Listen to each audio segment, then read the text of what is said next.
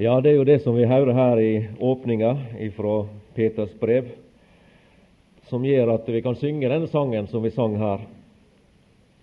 Han bor i meg, han gjør meg glad.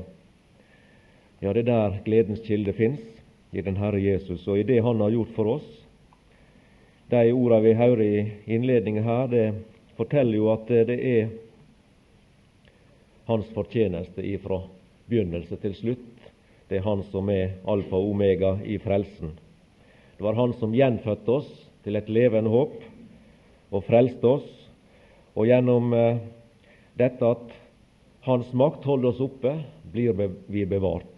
Og Det blir ingen annen grunn for deg og meg å rose oss av enn av Guds makt når det gjelder å bevare oss hele veien hjem. Enten veien blir lang eller kort, når vi kommer over på den himmelske stranda, så det vil det være én som vi vil takke. Og det er den samme person som frelste oss, ga oss liv og syndens forlatelse. Det er den Herre Jesus Kristus. Og det er også Han som vi hører, som kommer til å gi oss den nåde, som det sto her i vers 13, at det skal bli oss nåde til del ved Jesu Kristi åpenbarelse. Vi er jo hjemme i himmelen i dag, i Han, men vi skal, like sikkert som vi er der i Hans person, så skal vi en dag komme der i våre egne personer med våre herliggjorte legeme, frelste og frie, og se vår Frelser åsyn til åsyn, få takke og prise Han med løyste tunge. Han bor i meg, han gjør meg glad, og aldri skal vi skilles ad. Det å få hvile i dette, som gjør det som sangeren sier at eh, å falle til ro, hvile fra vår egen vannmakt og fra alle, alt det vi veit at vi sjøl ikke kan, hvile ifra det og legge oss til ro i Hans fullbrakte tro, i Hans fullbrakte verk, ved enkelt å tro at Han døde på korset for meg. Vi skal fortsette å lese i formiddag også ifra Hebreabrevet første kapittel. og Da vil jeg lese fra vers 3 til og med vers 6. Han som er avglansen av Hans herlighet og avbildet av Hans vesen og bærer alle ting ved sin krafts ord, og som derfor, da han hadde gjort renselse for våre synder, satte seg ved Faderens høyre hånd i det høye, og er blitt så meget større enn englene, som han har arvet et herligere navn fremfor dem. For til hvem av englene har han noen tid sagt:" Du er min sønn, jeg har født deg i dag, og atter:" Jeg vil være ham en far, og han skal være meg en sønn. Men når han atter fører den førstefødte inn i verden, sier han:" og alle Guds engler skal tilbe ham. Åpningsversene i dette brevet, disse versene som vi har vært sammen om, disse møtene, fra vers 1 og ut så langt som vi har lest nå, så er det i grunn en oppsummering av lære. Det er oppsummering både av kapittel 1, og det er også en oppsummering og en kort innføring i sannheter som hele Hebreabrevet åpenbarer videre. Versene de åpenbarer Guds Sønns herlighet. For det første så ser vi her i vers 1 Jesus som den sanne profet. Vi ser han som den som gir den fullkomne og endelige åpenbarelse av Gud. Dette som vi var inne på, at eh, Gud har i disse siste dager talt til oss ved Sønnen. Det er den Herre Jesus som her stiger fram, som forkynner den fullkomne, endelige Guds åpenbarelse. Og så finner vi han også her som prest, som oppfyller Arons tjeneste. Det å gå inn i helligdommen med offer og ofre, det ser vi, det hadde vi for oss i går, i vers 3, at han eh, gjorde renselse for våre synder. Men han oppfyller også Melkisedeks tjeneste. Han som var rettferdighetskonge, Salems konge. Vi ser den Herre Jesus her sittende i den himmelske herlighet, ved Faderens høyre hånd, ved majestetens høyre hånd, der han er opphøya over engler, over makter og over myndigheter. Satte seg ved majestetens høyre hånd i det høye, og er blitt så meget større enn englene, som han har arvet et herligere navn fremfor dem. Vi ser i disse versene vi har lese, den Herre Jesu Kristi natur. Han er Guds sønn. Han er Sønnen, avglansen av Faderens herlighet og avbildet av Hans vesen. Vi ser Sønnens gjerninger også i vers 2. Ved hvem Han òg har gjort verden. Det er Skaperen. Han har skapt alle ting. Han holder alle ting oppe ved sin krafts ord. Og ved Han ble forsoninga tilveiebrakt, som vi hører i innledninga her også. Og han, står det, er satt til arving over alle ting. Og Her ser vi også enda lenger. Vi ser opphøyelsen. Vi ser inn i den framtidige herlighet som Gud har gitt den inkarnerte Sønn som frukt av hans lydighet. Han var lydig inntil korset, inntil døden, ja, døden på korset. Og så ser vi han i dag sittende ved Faderens høyre hand, og der skal han sitte, står her i vers 13, hvis vi går dit. Sett deg ved min høyre hånd, til jeg får lagt dine fiender til skammel under dine føtter.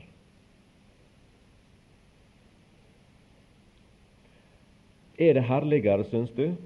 Er det vidunderligere å se Guds sønn i Betlehem, født som et lite barn, enn at vi får se menneskesønnen ved Faderens høyre hånd. Det er så mange som er opptatt med Jesusbarnet, og mange som syns det er så veldig romantisk og veldig greit å, å ta del i den sida ved, ved julebudskapet, at Jesus ble født i Betlehem. Det lille barn det virker så uskyldig, og det virker så ufarlig. Det blir litt verre for mange mennesker når de møter denne personen igjen på Golgata kors. Da er det mange som snur ryggen vekk. Da er det mange som ikke vil ha noe med han å gjøre lenger. Vi vet også at mange mennesker de syns det er ok å, å kunne ha Jesus som et ideal. Det er mange som eh, respekterer han og sier at ja, Jesus det var et fint menneske. Det var et godt menneske.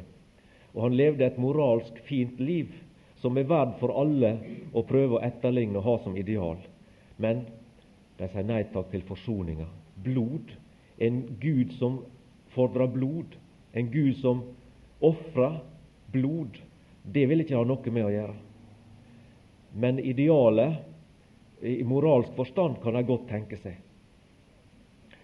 Men det er herligere for oss som Guds barn og troens barn å se menneskesønnen med Faderens høyre hand enn spesielt å tenke på han som et nyfødt, lite uskyldig barn i Betlehem for vi veit at det ligger noe imellom der.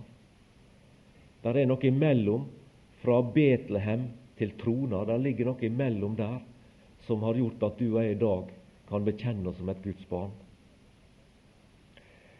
Esaias han løfter fram rådgiveren, denne herre, den underfulle, den mektige, den veldige Gud, fredsfyrsten, som han blir kalt, den evige Far. Og Han snakker også om barnet som er oss født, sønnen som er oss gitt det er stort og fint. Og det forteller om egenskaper ved Jesus, og det forteller om gjerninger som han gjør. Det forteller, det er navn, titler på han, som eh, forteller om forskjellige deler av hans gjerning. Disse ordene her. Rådgiveren, underfulle, den mektige Gud, fredsfyrsten og alle disse. Men tenk på han i dag, der hos Faderen ved majestetens høyre hånd. Det er menneskesønnen, det er det sanne mennesket og som sant menneske, så representerer han deg og meg. Vi kan si det nesten slik at at å se ham der på trona i dag, det er at i ham, der er vi også. Vi fattige, vi som salmisten kaller for bare støv. Vi er bare støv. Men i dag, i Han, den Herre Jesus Kristus, så er dette støvet opphøya og satt med ham i himmelen. Og det er det som gjør at du og jeg kan ha fred her på jord. Det er derfor du og jeg kan glede oss i evangeliet og i sannheten som Bibelen åpenbarer oss, at vi uverdige, vi fortapte oss sjøle, vi som på grunn av det vi var i natur og også i våre gjerninger, egentlig hadde fortjent den evige dom og død, vi er løfta ut av den stilling og tilstand og inn i å bli satt i himmelen med vår Herre og Frelser. Det er herlige tanker, og det er herlig realitet for oss å vite at dette er sant. At vi ynkelige, uverdige, som var så små i universets sammenheng at vi blir kalt for støv, vi er som støv. Vi er blitt opphøya i den Herre Jesus på denne måten. Tenk på ypperste presten. Han gikk inn én gang i året. Han ble ikke værende der, men han gikk inn én gang i året, inn i det aller helligste. Men hvem av de som gikk inn der, enten det var Aron eller noen annen, våga å bli stående der, der den evige Gud, den høgstes herlighet, åpenbarte seg? Ingen kunne tåle den åpenbarelsen. Du husker Moses ba om å få se Herren, og han måtte stille seg der i steinkløfta, og, og, og han gikk forbi der på en spesiell måte. Ingen tåler å se Gud i Guds lys.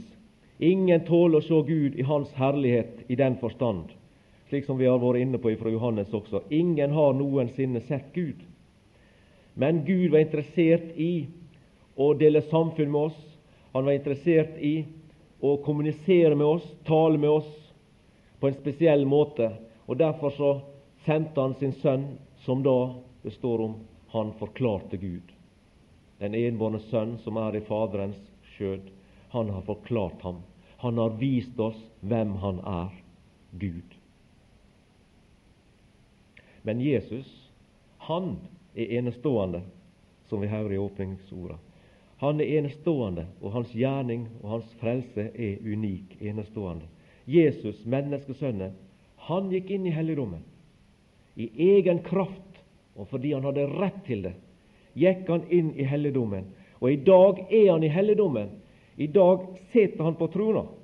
Han blei værende der, inne i helligdommen. Han gjorde ikke som ypperste presten i den gamle pakt, som gikk inn med offer og så måtte gå ut igjen. Men han gikk inn i helligdommen. Han ofra sitt eget blod, og han fant en evig forløsning, som hebreabrevet forteller. Og så satte han seg ved majestetens høgre. Han er på truna, og han er krona med herlighet og ære. Vers 8. Men om Sønnen, din trone, Gud. Men om Sønnen, din trone, Gud, står i all evighet. Og rettvisets kongestav er ditt rikes kongestav.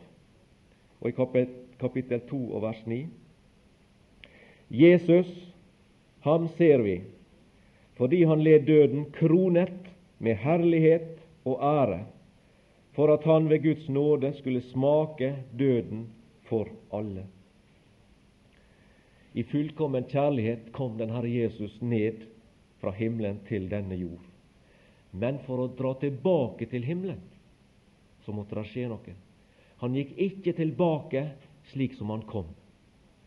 Han kom ned fra himmelen i fullkommen kjærlighet, som vi var inne på i går kveld.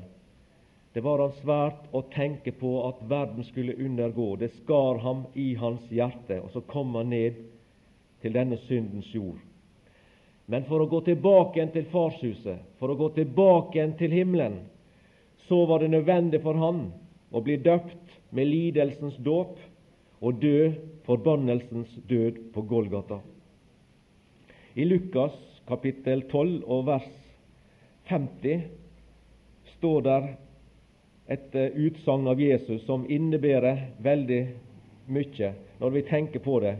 Jeg skal ikke gjøre noe annet enn lese det, men uh, du vil se det at i disse ordene og i det han sier, og på den måten han sier det, så ligger der en veldig nød inni hans sjel og inni hans hjerte i denne sammenheng. Lukas 12, 50.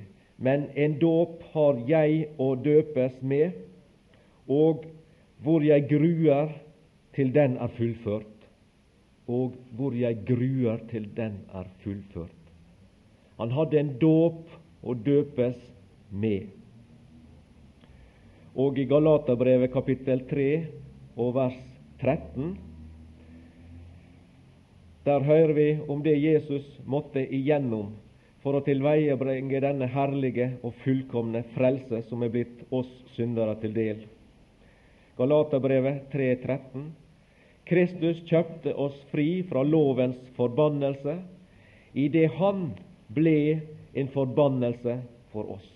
Han ble en forbannelse for oss, for det er skrevet:" Forbannet er hver den som henger på et tre. Det måtte den Herre Jesus igjennom for å gå tilbake igjen til Faderhuset. Han måtte døpes med en dåp som var av en slik art og karakter at når han tenkte på det, så grudde han seg til at den skulle bli fullført. Og han led forbannelsesdøden på korset for de og mi skyld. Nei, han for ikke tilbake slik han kom, fordi det var nødvendig for de og mi frelse.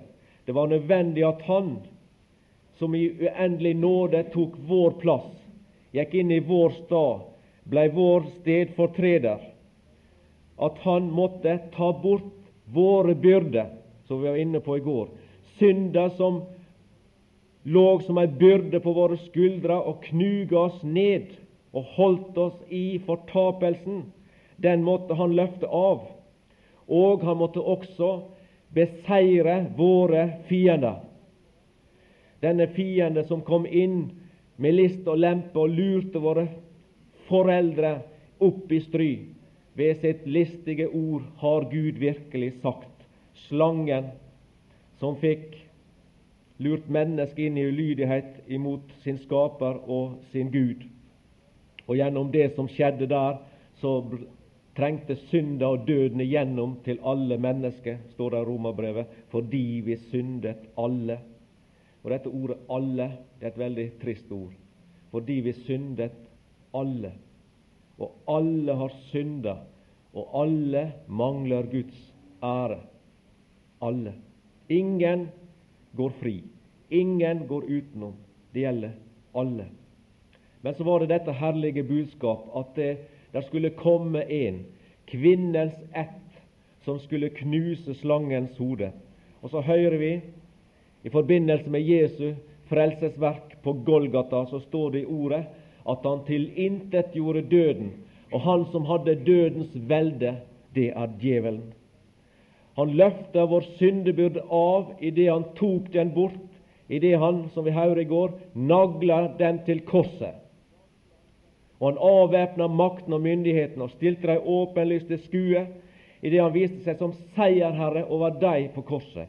Han tok bort vår byrde, og han beseira våre fiender. Det var derfor han måtte døpes med denne dåp, lidelsens dåp.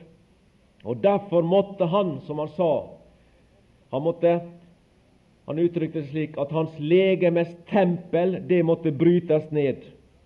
Og han så framover til den frukt som hans verk skulle få, slik som vi leser i, i kapittel 12, i en del der av, eh, av eh, vers 2. Hebreabrevet 12 og en del av vers 2, der det står om Jesus. Jesus, han som for den glede som ventet ham. Jesus, for den glede som ventet ham, led tålmodig korset. Hans legemes tempel måtte brytes ned. Han måtte døpes med en dåp som han grudde til skulle bli fullført. Men han så framover, forbi dette, og til det, den frukt av den gjerning. For den glede som ventet ham, led han tålmodig korset, uten å akte vanneren. Og nå nå er det noe nytt som er kommet inn i bildet. Nå er det en frukt av det som skjedde på Golgata. Nå sitter han på høyre side av Guds trone. Da han hadde gjort renselse for våre synder, satte han seg ved majestetens høyre hånd i det høye. Ja, han for ikke tilbake slik som han kom, for han kom som Guds sønn fra evighet. Men så kom han inn i denne verden og ble født som et menneske inn i denne verden. Og Derfor så reiste han tilbake som den inkarnerte Guds sønn med et menneskelegeme. Han reiste tilbake og inn i evigheten, inn i den himmelske tilværelse som Davids sønn og som menneskesønn, som verdens frelser og vår Herre. Han får videre, ikke tilbake som han kom, fordi han kom aleine. Han kom aleine. Han kom som den gode hyrde, som kom i uendelig kjærlighet, og som i medlidenhet og medynk med synderen. Når han tenkte på deg, villfarne og tapte får der ute i verdensørken, så kom han ned, den gode hyrde, og så lette han opp disse fåra ute i ørkenen. Og så satte han livet til. For hvorfor? Jo, som Lukas 15 beskriver det, når han hadde funnet det, fåret som han hadde mista, så la han det på sine skuldre. Og når han kom hjem, så kalla han venner og granner sammen og sa gled dere med meg, jeg har funnet det får som jeg hadde mista.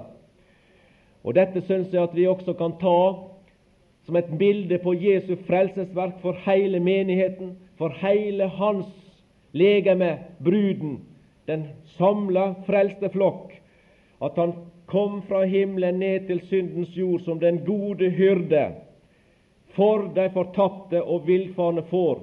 Og der ute på Golgata, der fant han dem, og der vant han dem. Og så oppreiste Gud han, og han returnerte inn i den himmelske verden med de frelste får på skuldrene sine.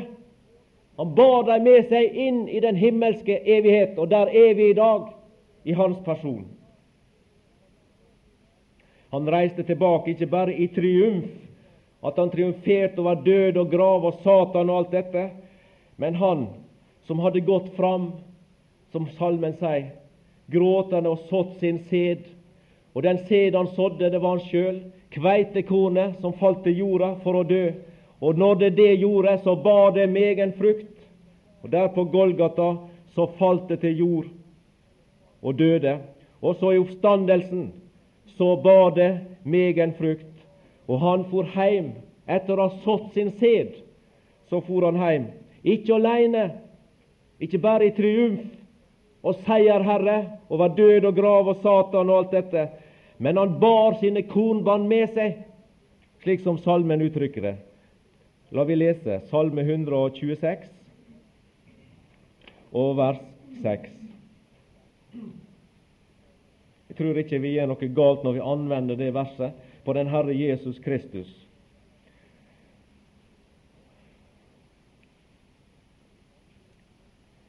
De går gråtende og bærer den sæd de strør ut. Den Herre Jesus, han også gråt. Han gråt i sin sjel, han gråt i sitt hjerte når han så skaren av folk. Han så på dem som en flokk med sauer som ikke hadde hyrding. Han sto der utenfor Jerusalem, og så gråt han over byen og sa Jerusalem, Jerusalem, hvor ofte vil ikke jeg samle deg som ei høne samler kyllingene under sine vinger? Men dere ville ikke. Det var en gråt, det var en nød i hans hjerte for deres vantru, for deres motstand, for deres uvilje imot Han, Han som kom til sitt eget åpenbarte Gud Herren for deg. Han som ga seg ut for å være Guds sønn, og var det. Han som var verdens lys, som var det levende brød fra himmelen, sto midt iblant deg, og så ville ikke han noe med han å gjøre. Han kom til sitt eget, hans egne tok ikke imot ham. Denne Herre Jesus han kom på en måte sett gråtende og bar sin sæd den gode sæd, den strødde han ut. Det var han sjøl som var den gode sæd. Det var han som blei sådd, kveitekornet fra himmelen som falt til jorda og døde der på Golgata kors. De kommer hjem med fryderop, den Herre Jesus Kristus, i oppstandelsen. Han kom hjem til farshuset, til sin himmelske far, med fryderop og gledesrop og bar sine kornbånd, den himmelske, den frelste skare, sin brud, menigheten. Vi kan også lese det i Hebreabrevet 2 og vers 13. Der står det et uttrykk der som, som jeg syns korresponderer med dette i Salme 126, kapittel 2 og vers 13. Og atter, se, når Jesus kom hjem til himmelen, se, her er jeg og de barn som Gud har gitt meg. Han gikk fra himmelen til jord for å tilveiebringe ei frelse for å så denne gode seden. Og når han hadde fullført verket, så vendte han tilbake, ikke slik som han kom. Han kom alene, men han gikk ikke tilbake alene. Han hadde med seg sine kornband. Han hadde med seg, som her står, se her, her er jeg, og de barn som Gud har, med, har gitt meg. Alle frelste, alle troende, menigheten, bruden, eller hva navn du vil sette på Guds folk, blei oppreist med ham, sier Feserbrevet, og satt med ham i himmelen i Kristus. Det var etter at han hadde gjort renselse for våre synder, at han satte seg ved Guds høyre hånd. Det var i kraft av sitt eget blod at han gikk inn i helligdommen. Og det var også som det slakta lam, Guds lamme, at Gud opphøyer han slik som Filippenserbrevet 2 beskriver det. La vi lese også de versene. Filippenserbrevet kapittel 2 og vers 8 og vers 9. Der ser du at opphøyelsen står i sammenheng med fornedrelsen. Det var dette Guds lamme som kom inn i verden, og som skulle ta bort verdens synd. Det var det som var det oppdrag Sønnen var kommet for å fullføre. Det var frelsesspørsmålet han skulle ordne. Det var å tilveiebringe et frelse for fortapte syndere han skulle gjøre. Og når han det hadde gjort, og det hadde lytt det fullbrakte, da oppreiste Gud han. Og så vendte han tilbake igjen til Faderen. Og så ble han opphøya. Det var det slakta lammet Gud opphøya.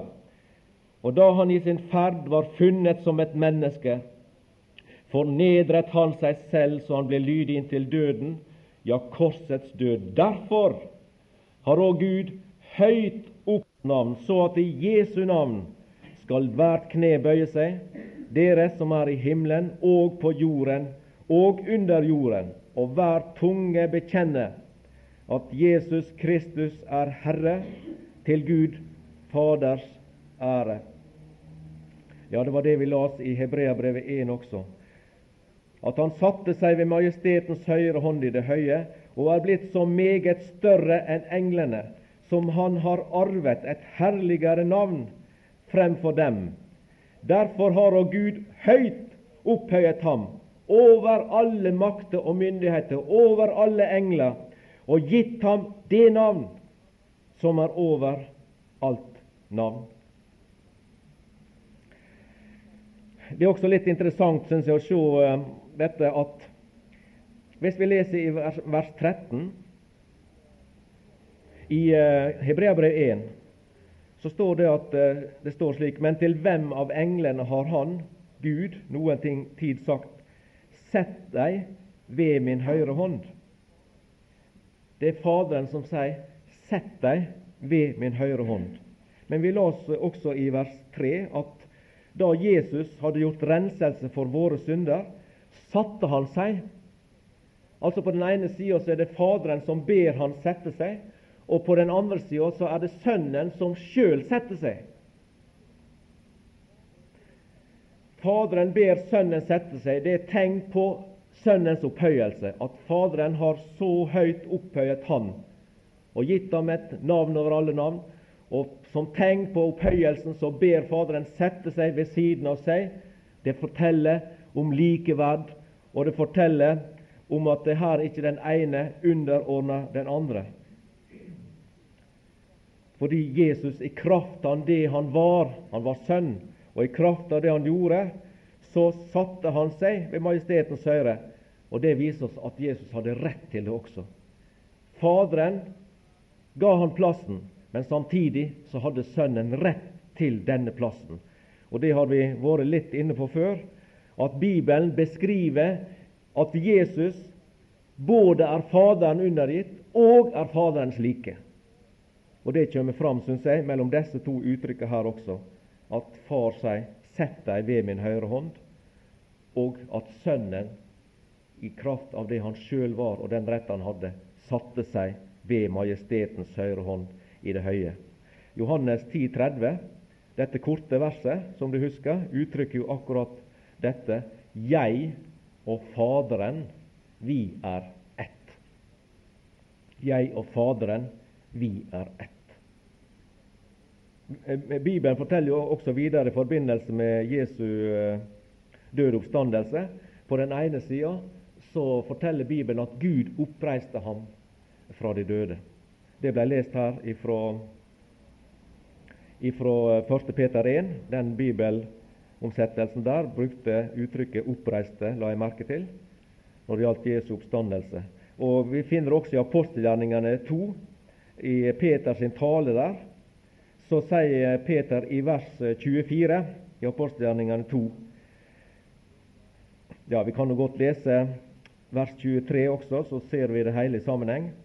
Han, altså Jesus, som ble forrådt etter Guds besluttede råd og forutviten, ham slo i i hjel idet I naglet ham til korset ved urettferdiges hender. Men Gud oppreiste ham idet han løste dødens veer.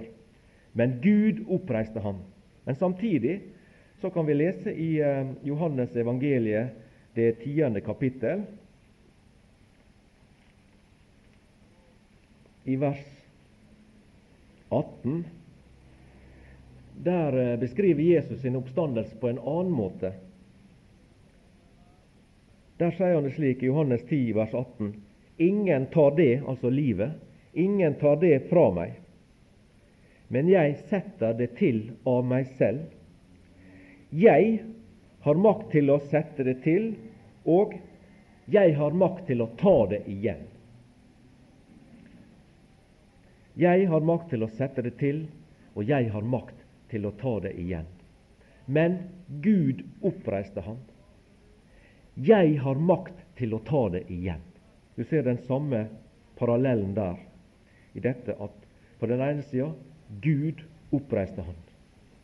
Det forteller ei side ved frelsesverket. Forholdet mellom Han, Jesus, og Gud.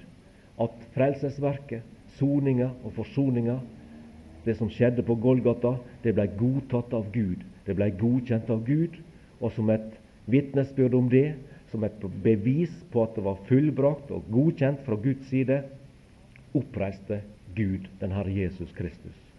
Vi, det finner vi også i i Romerbrevet kapittel 1 at han blei godtgjort å være Guds veldige sønn ved sin oppstandelse fra de døde. Men Jesus han var jo i seg sjøl livets kilde. Han, det står i en annen plass i Johannes evangeliet at Gud er det gitt å ha liv i seg sjøl. Men så står det også at Sønnen er det gitt å ha liv i seg sjøl. Jeg og Faderen, vi er ett. Og Jesus hadde liv i seg sjøl, derfor kunne ikke døden holde på han. Døden hadde ikke noe krav på han. Han var rein i tanke, ord og gjerning, og derfor hadde ikke han synd. Og døden er jo også Dette er en følge av synd, som vi kjenner til fra Romerbrevet. Og derfor så måtte Gud, den Herre Jesus Kristus, gi livet sitt som ei gave. Han måtte frivillig gi avkall på det. Jeg gir det fra meg, men jeg tar det igjen. Jeg har makt til å gi det, jeg har makt til å ta det igjen. Han viste seg gjennom sin døde oppstandelse som den sanne Gud, og også som menneskesønnen.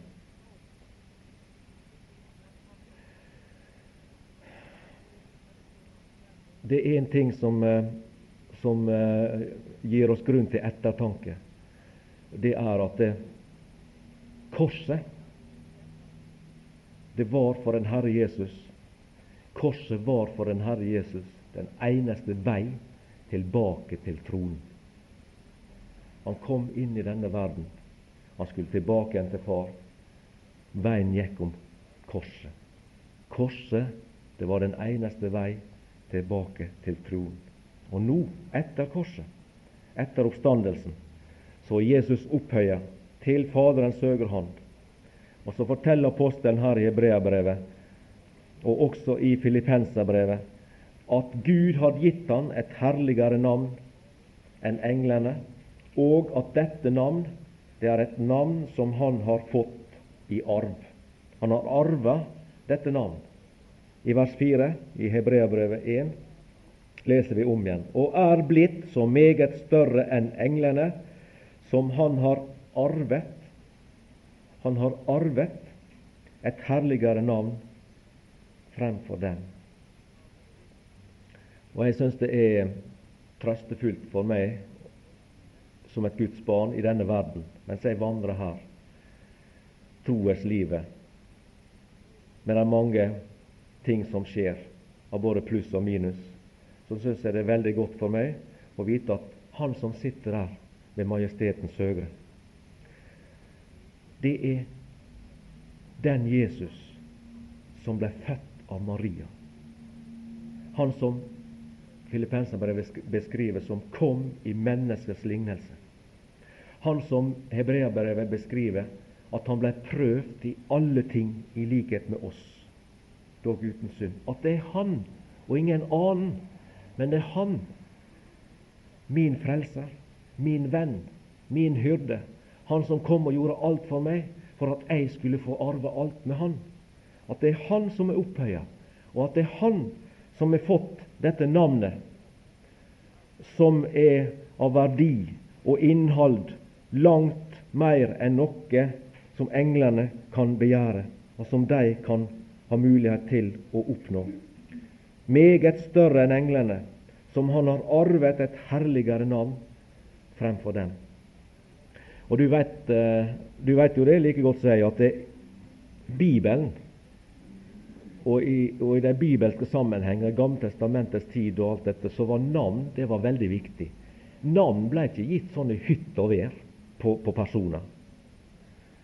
Slik som, eh, slik som, det skjer i våre dager, så du, får jo unger navn snart etter både fly og båter og biler og, og hva det nå kan være.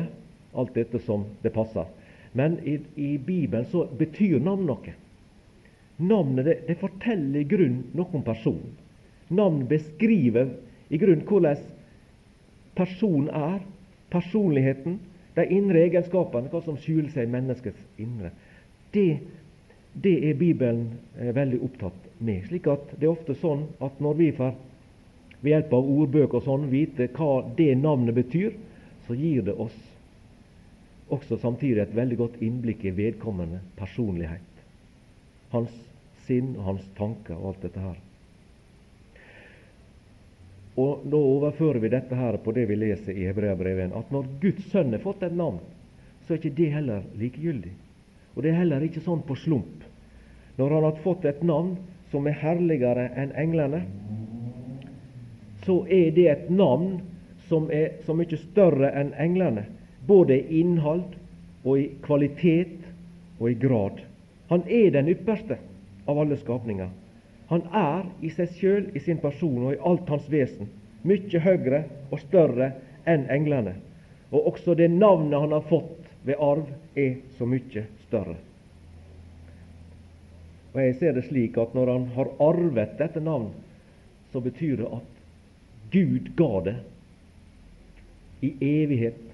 Fra evighet av så har Gud bestemt at dette navn, det skulle han arve fordi han på en tidspunkt i universets historie så skulle han tre inn i denne verden og bli mellommann mellom Gud og menneske. Sønnen, den evige, skulle åpenbares, slik som ordet sier. Det er bare én mellommann imellom Gud og mennesker. Mennesket Jesus Kristus. Og når den tid kom, at han kom inn i verden, fullførte frelsesverket, og gikk tilbake igjen til Gud, så fikk han det navn som han hadde i arv. Et navn som er overalt navn. Et navn som er mye høyere og større enn englene. I eh, Åpenbaringa 19 der leser vi at, det, at Jesus har et navn som ingen kjenner uten ham selv. Det er i Åpenbaringa 19 og vers 12.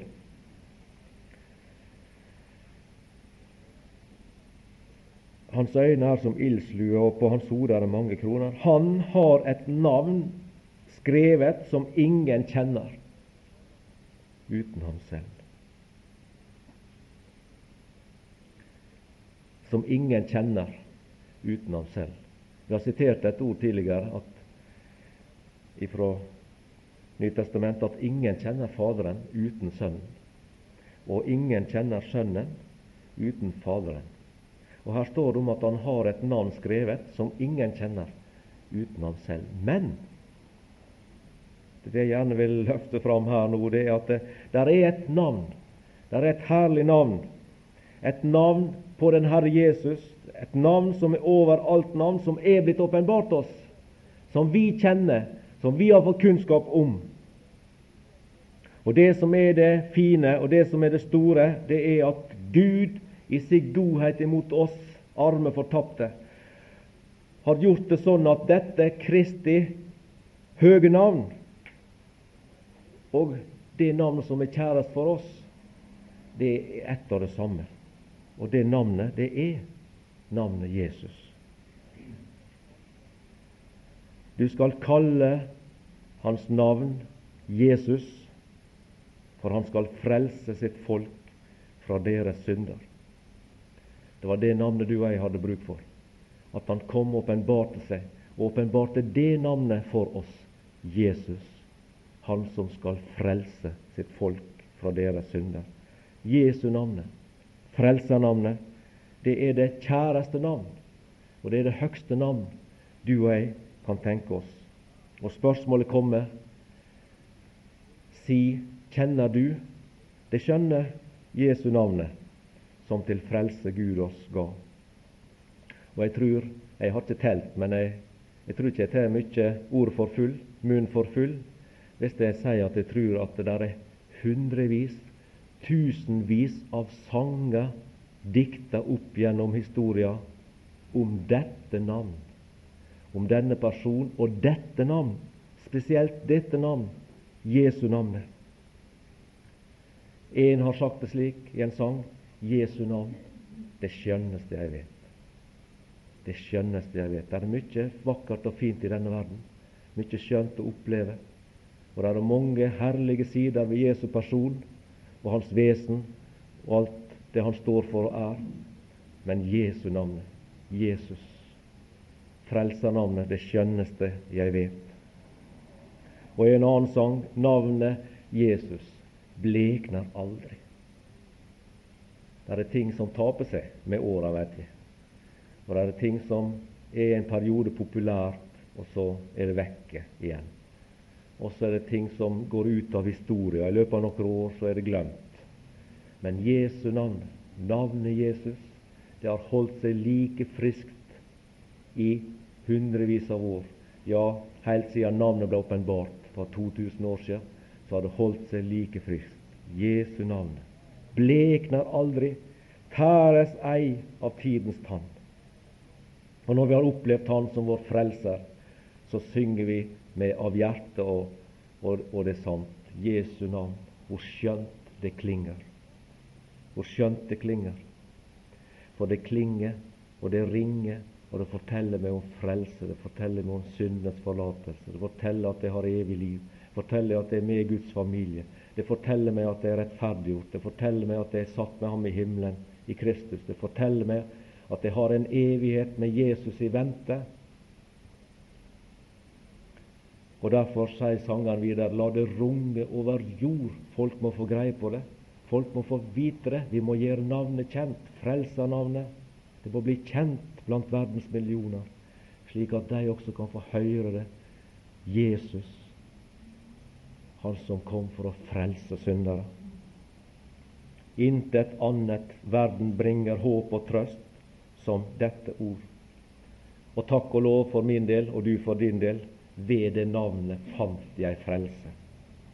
Intet annet frelse kan. Og en annen sanger uttrykker det slik når han liksom ser utover og sammenligner alt mulig, så kommer han til denne konklusjonen. Herligste navn som er uttalt på jord. Jesus. Og Det syns jeg i grunnen korresponderer så fint med et uttrykk vi finner i Høysangen. Du kjenner det sikkert, leste mange ganger. Høysangen 1 og vers 3. Ditt navn er en utgitt salve. Ditt navn, Jesu navnet, er et utgitt salve. Herligste navn som er uttalt på jord. Jesus. Jesus det helligste. Og Jesus det reneste. Navn som på menneskeleper er lagt. Tenk at han er din frelser. Han er min frelser. Tenk at han, den helligste, reneste, kom inn i denne verden, inn i vår syndige jord, lot seg fornedre, lede til korset, blei håna og spotta, tornekrota, korsfesta og gjort til narr og gjort til spott og spe og blei behandla som en forbryter. Han, den helligste, reneste, han gjorde det for deg, han gjorde det for meg, for å frelse oss fra den evige dom og død. Og i dag, som et resultat av dette, så er han i dag opphøya. I dag sitter han ved Guds høyre hand. Han har satt seg ved majestetens høyre i det høye. Og denne Jesus han vil også i dag at alle mennesker skal bli frelst. Han vil at mine skal bli frelst, de som ennå lever borte fra ham. Han vil at dine skal bli det. Han ivrer etter å få dele ut syndens forlatelse, gi nåde og frelse til de som har bruk for det. Det er det han vil. Han som er den allmektige, han som er den allvitende, han som er den allesteds nærværende Gud, full av visdom, full av kjærlighet, full av medfølelse og sympati.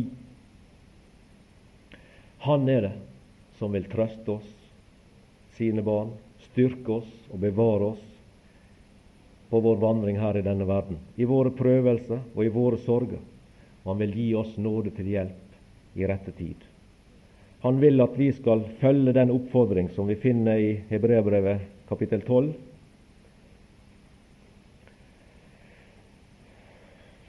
og det er det siste jeg vil minne oss om i dag. Det er en oppfordring fra vår Herre og Frelser gjennom apostelen.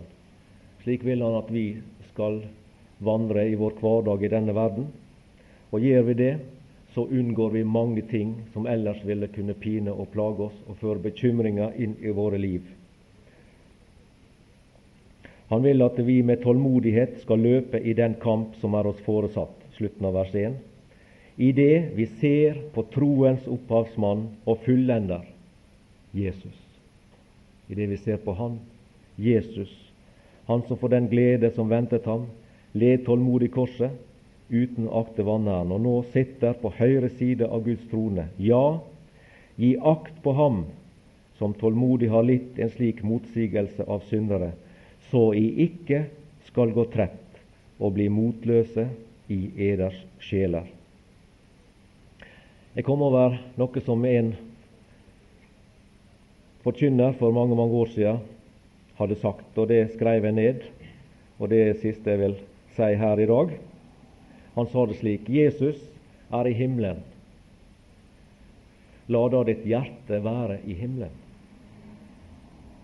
La Jesus bo i hjertet. Da vil himmelen være i hjertet. Amen.